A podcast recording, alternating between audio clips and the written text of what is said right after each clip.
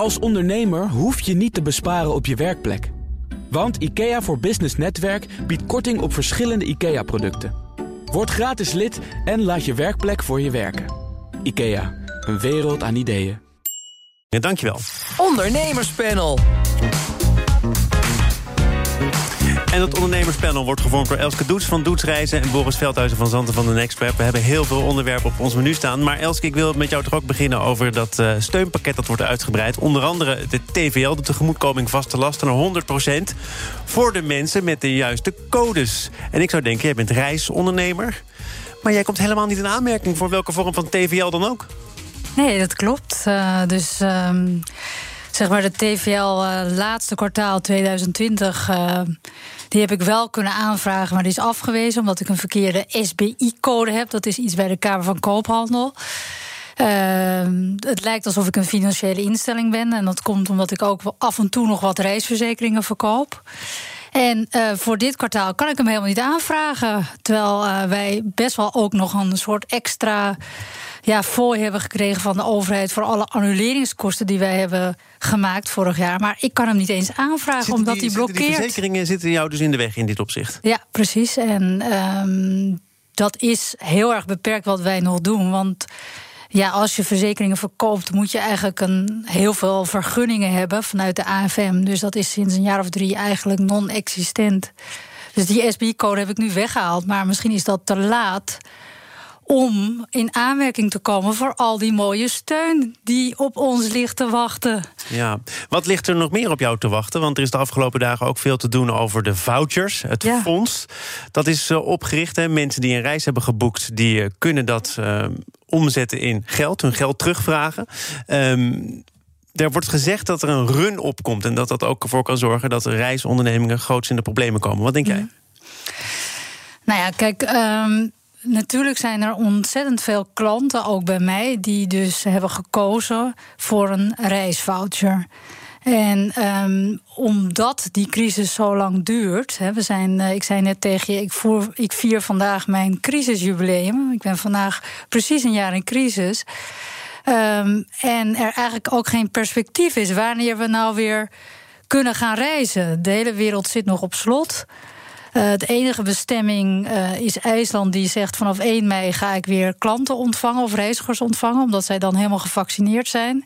Dubai is ook bereid. Uh, al die tijd al om mensen te ontvangen. Ook al mogen wij daar officieel niet heen als Nederlander.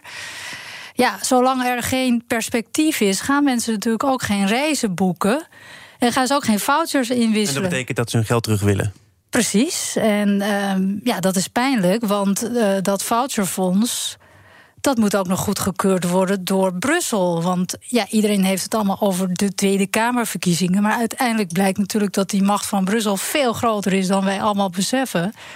En dat kan een enorme vertraging geven. Dus ja, het wordt wel spannend voor sommige bedrijven. Boris, ja, ook van harte welkom op, het, uh, crisis, uh, op de crisisjubileum verjaardag van uh, Elske. jij hebt zelf ook een kleine crisis uh, ondervonden? Want je bent opgelicht, begrijp ik. Ja, ja het is heel gênant. Maar uh, dat ga ik dan nu toch uh, aan plein publiek toegeven.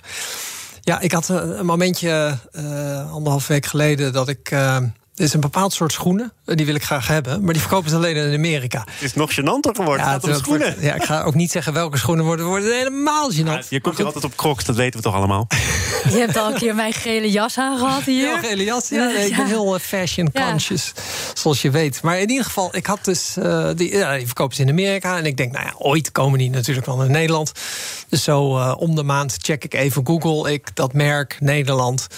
En uh, een beetje moe, het was het eerste resultaat, resultaat opeens die merknaam Nederland.com. Dus ik dacht, hè, eindelijk. Dus ik ga naar die site. En uh, nou, volledige site. Alle schoenen helemaal te bekijken. Uh, en ik vond mijn schoen ook. Uh, niet alle maten nog voorradig, maar die voor mij wel. En in de aanbieding.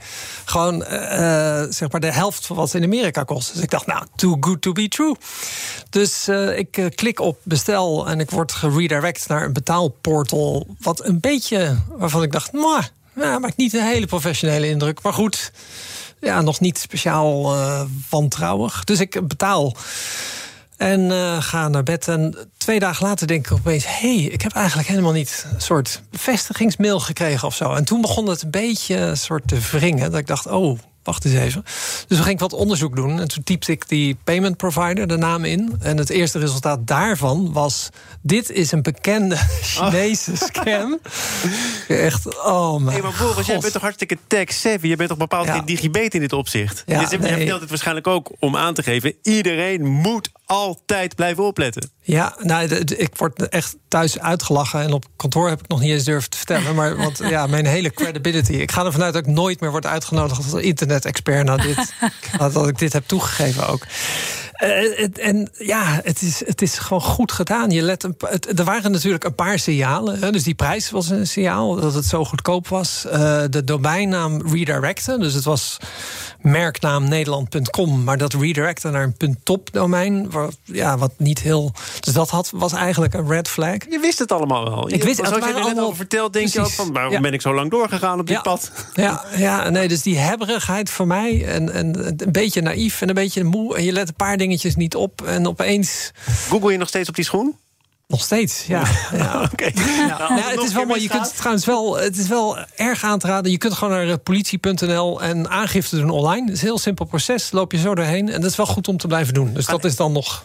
Gaan even door op het spoor van de criminaliteit. Want het ministerie van Justitie en Veiligheid, VNO-NCW, MKB Nederland, komen met de campagne Blijf alert. En die moet ondernemers waarschuwen voor malafide investeerders. Michael de Man is veiligheidsadviseur van het Centrum voor Criminaliteitspreventie en Veiligheid. Hij heeft op Omroep Brabant uitgelegd wat het probleem is precies is?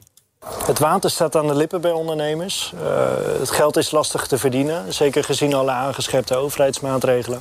Daarnaast, criminelen zijn van alle tijden en die weten heel goed op situaties in te spelen. Dus juist nu, uh, nu het geld bij ondernemers wat minder is, maken criminelen misbruik van ondernemers door hen te benaderen uh, voor misschien deelname aan hun praktijken. Heb jij hier, Elske, wel eens mee te maken gehad? Nee, maar ik heb wel een keer ook digitale fraude gehad, waarbij uh, zeg maar een e-mail werd nagedaan die ik stuurde naar mijn financieel manager. Dat doe ik dan. Hè. Dan zeg ik, kan jij even Thomas betalen? Uh, de som van 40.000 euro. Dat mailde ik naar mijn financiële manager. En uh, die bood opeens een betaling aan mij om goed te keuren. Ik zeg, nou, hoezo ga ik dit overboeken? En toen zegt ja, dat heb jij net gemaild naar mij. Dus dat is dus- digitale fraude. Is dat een soort vorm van CEO-fraude? Ja, maar het, was, het, het kwam bij hem echt over alsof ik zo doe ik dat ook. Dat hebben ze dus kennelijk gekopieerd, hoe ik dat dan doe. En daardoor leek het dus echt maar gelukkig dat we natuurlijk wel meerdere ogen hebben. In, dus ja. Een bioscoopketen, een paar jaar geleden. Ja, Pathé mogen we gewoon zeggen hoor. Want Pathé, er okay, alle voorpagina's gestaan. Niks gênants meer vandaag, alles is open. Ja, inderdaad. Dus die hebben, ja, geloof 10 miljoen of zo op die manier. Want dat werd steeds erger als het bedrag overgemaakt. En dan op een gegeven moment heb je een soort vertrouwensband. En dan denk je ook van, oh ja, nou ja, het zit wel goed. Het bedrag is overgemaakt. En dat ging maar door tot 10 miljoen. Volgens mij de CEO en de CFO hebben daardoor hun baan verloren. Klopt, waarvan de CFO het heeft aangevochten. En volgens mij ook die zaak heeft gewonnen. Oh, dat uh, geheel terzijde. Ehm, maar de, situatie die nu geschetst wordt, is dat ondernemers het eigenlijk allemaal niet meer rond kunnen rekenen. Dat er dan plotseling iemand op de stoep staat die zegt: Nou, oké, ik kan jou helpen. En dat je op die manier in het criminele circuit getrokken wordt. Ja. Kun je er iets bij voorstellen, Boris? Ja, absoluut. Want dat, dat, dat is inderdaad bekend. Hè? Dat, dat juist mensen in een zwakke situatie dan ook dus de red flags uh, negeren. Omdat het een soort hun laatste strohalm is. Dus uh, ja, bijzonder pijnlijk natuurlijk. Dat juist mensen in een zwakke positie dan worden uitgebuit. En een extra reden om dus te blijven opletten. Ja, nou is het overigens ook zo dat uh, MKB Nederland het niet alleen hierover heeft gehad, maar ik las een artikel van de voorzitter uh, Von Hof. Die zei, uh, wat niet zo crimineel is, maar wat wel gebeurt, is dat er voor een prikkie noodlijdende bedrijven worden overgenomen door grotere concurrenten. Dat is niet crimineel, maar wel onwenselijk. Is dat inderdaad onwenselijk of is dat nou eenmaal hoe de markt werkt, Elske? Ja, ik heb ook uh, het artikel van hem gelezen. Uh, ja, je ziet nu wel dat het speelveld gewoon heel erg kaal geslagen wordt. Hè? Dus de kleinere ondernemers die lijden gewoon enorm gedurende de deze crisis. Ja, en uh, die maken wel vaak een, een deel uit van een kleurrijke, kleurrijke binnenstad. En uh, ja, dat zijn wel de verliezers van deze coronacrisis. En uh, dat hoop ik althans natuurlijk niet. Want ja, die, die worden dus gemakkelijk opgekocht of uh, overgenomen. Uh, want ja, het is niks meer waard. Ja, bij jou staat er dus niet zozeer een zware jongen voor de deur... maar misschien wel eens een keer een groter concurrerend reisbedrijf dat zegt... Nee, nee, nee, nee. Dat uh, is absoluut nog niet aan de orde. Dat was alleen in de goede tijden zo. Oh ja? Ja. Maar in de goede tijden was jouw bedrijf misschien ook heel veel meer waard. Ja. Dus het, de gedachte dat je voor heel weinig een heel goed bedrijf kunt kopen, daar heb jij in ieder geval nog niks uh, van nee, gemerkt. Maar het kan voor mijzelf wel een kans zijn. Ik heb veel technologie. Uh, en daar kan ik makkelijk ook andere bedrijven aan koppelen. Boris, is dit, is dit marktwerking? Zijn dit de uitwassen van marktwerking? Moet je het accepteren? Moet je er iets tegen doen? Het, het zit hem helemaal in de framing. Dus zoals jij het net uh, zegt, hè, grote jongens die misbruik maken van de situatie klinkt heel negatief. Uh, maar je hoort ook van bedrijven die zeggen: ja, ik, ik, ga anders failliet. En failliet ga ik sowieso. En dan is er nog een soort reddingsmogelijkheid. En ja, natuurlijk krijg je dan niet wat je oorspronkelijk ervoor had gehoopt te krijgen. Dus dan zou ik inderdaad zeggen marktwerking. Hè. Dus jij brengt het als een soort ja. vijandige overname de woorden van de voorzitter van MKB Nederland. Ja, die misschien ja, ziet dat kleine MKB'ers aan het spartelen ja, zijn. Ja, ja en, maar dat is natuurlijk ook zo. Ik, ik, heb ook, ik sprak een ondernemer en die zei... ja, mijn, mijn uh, verhuurder wil niks aan de prijs doen. En ik weet gewoon dat hij echt hoopt dat ik, er, uh, dat ik het ja, beltje ermee neergooi. Omdat ik op een goede locatie zitten. En ik weet dat hij dan waarschijnlijk duurder weer kan verhuren. Ja, dat is natuurlijk niet heel sympathiek. Krijg je geen karmapunten voor. Nee. Maar er zit natuurlijk ook bij een hoop van die MKB'ers... natuurlijk ook een hoop opvolgingsproblemen. En dan zit je nu ook nog met die coronacrisis. Dus ja, dan kan dat dus een... Uh, licht elegante exit-strategie zijn. Ik heb het idee dat we iets te pakken hebben. Zaken doen. Want ik wil het met het ondernemerspanel hebben over stoppen en wanneer je dat doet. Boris Veldhuizen van Zanten van de Next Web is hier en Elske Doets van Doetsreizen. Veel ondernemers voelen zich genoodzaakt om de stekker uit hun bedrijf te trekken. Nog voordat er sprake is van een faillissement, blijkt uit cijfers van het CBS. Er is een record aantal stoppers. Overigens staat er ook een record aantal starters tegenover.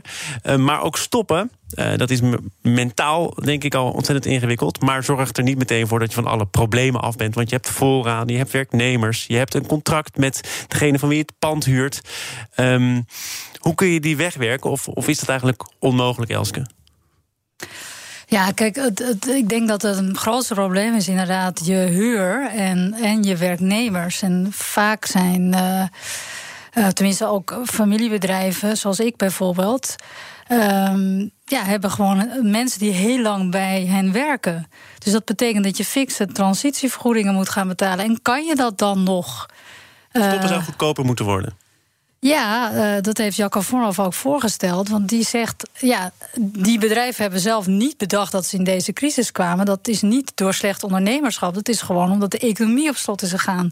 Dus moet je dan ook gaan bloeden voor die transitievergoedingen die je moet gaan betalen. Want er, er ligt natuurlijk een enorm stigma op failliet gaan in Nederland, zeg maar. Ja, maar failliet gaan is toch nog weer significant anders. Ja, dan maar stoppen. dat is dan de andere kant van de medaille. Dat je zegt, ik, ik laat de tent klappen, zeg maar. Ja, ja. dan ben je ook niet meteen en van alle problemen af. kun je niet anders, hè? Want dat precies wat jij zegt. eh, Je denkt dan, oh, nou dan stop ik. Maar goed, transitievergoedingen. Het is niet makkelijk om een bedrijf eh, te, te doen stoppen. En soms is dan een faillissement eigenlijk geen andere optie. Ja. Nee. Heb jij wel eens eh, op, het, op het randje gestaan? Hè? Ik bedoel, de Next Step is een succes. Succes geworden, groot geworden. Ja. Heb jij wel eens de andere kant van het verhaal meegemaakt... waarvan je Ja, dat ja. kantje boort? Tuurlijk, ja, zeker. En ook, ik ben ook opgehouden met bedrijven. En ik was vanochtend nog bezig met eh, een mail. En dat is dan echt de zoveelste mail voor een bedrijf... wat volgens mij al drie jaar niet meer bestaat. Waar je dan nog steeds gedoe hebt van bedrijven die opeens zeggen... oh, er staat nog rekening open. Ja, we bestaan al drie jaar Een van je eigen bedrijven. Ja, ja. Dus dat, eh, ik denk dat het inderdaad onderschat wordt... hoe moeilijk het is om met iets op te houden. Maar heb je daar dan zelf de stekker uitgetrokken... of is dat tot een faillissement gekomen? Eh, geen faillissement, zelf de stekker eruit getrokken. Maar goed, dan ben je Hoe dus kan het dan dat er daar... Ja, nu ga ik het even opnemen voor die, man, die man of vrouw die jou gemaild heeft. Hoe kan Ja. het dan dat er nog een rekening open staat?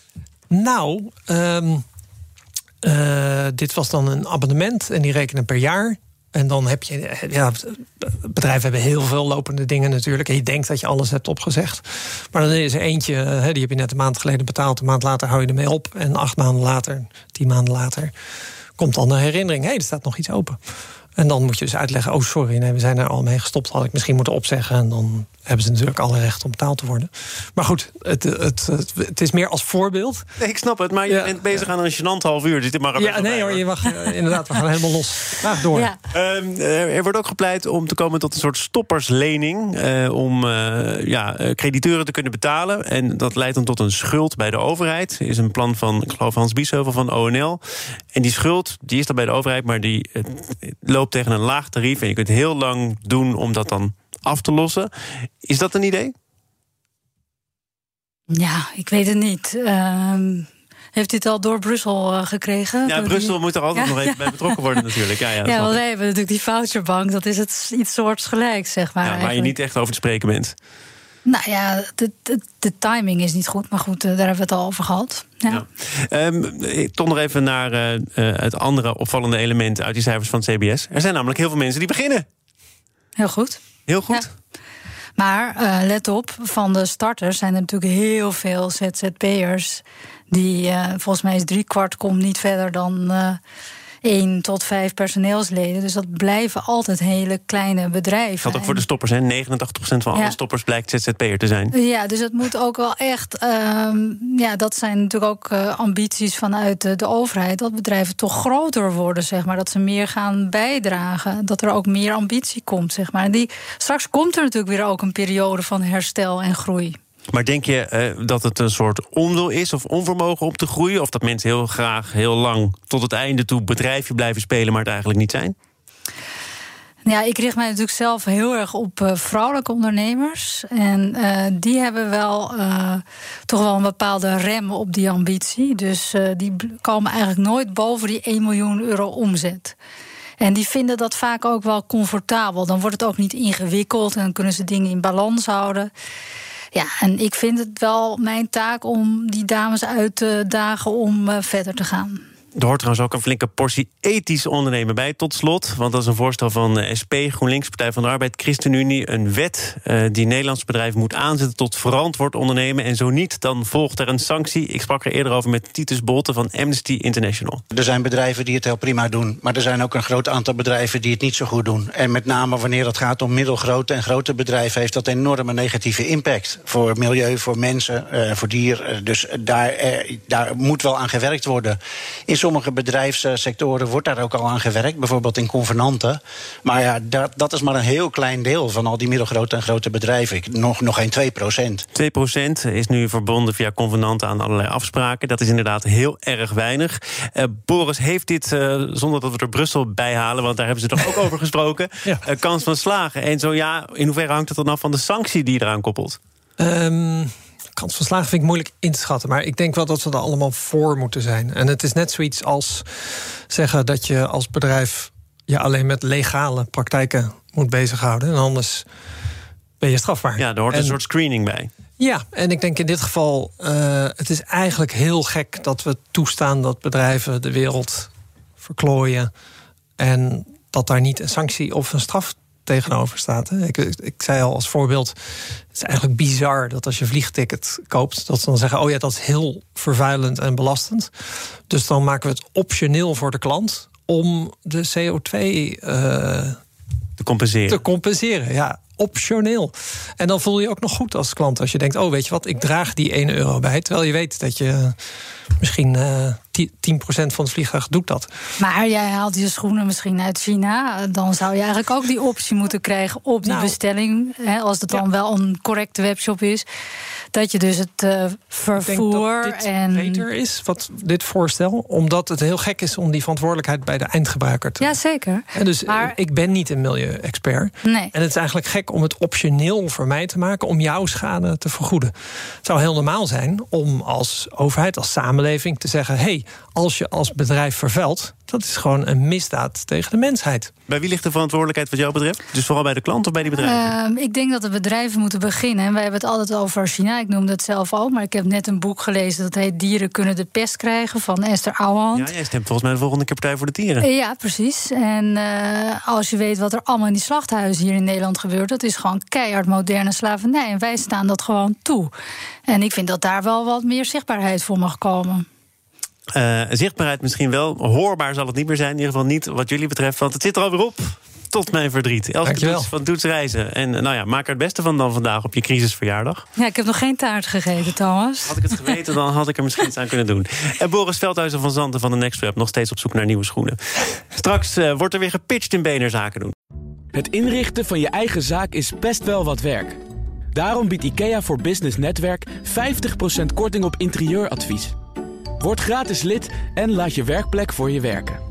IKEA, een wereld aan ideeën.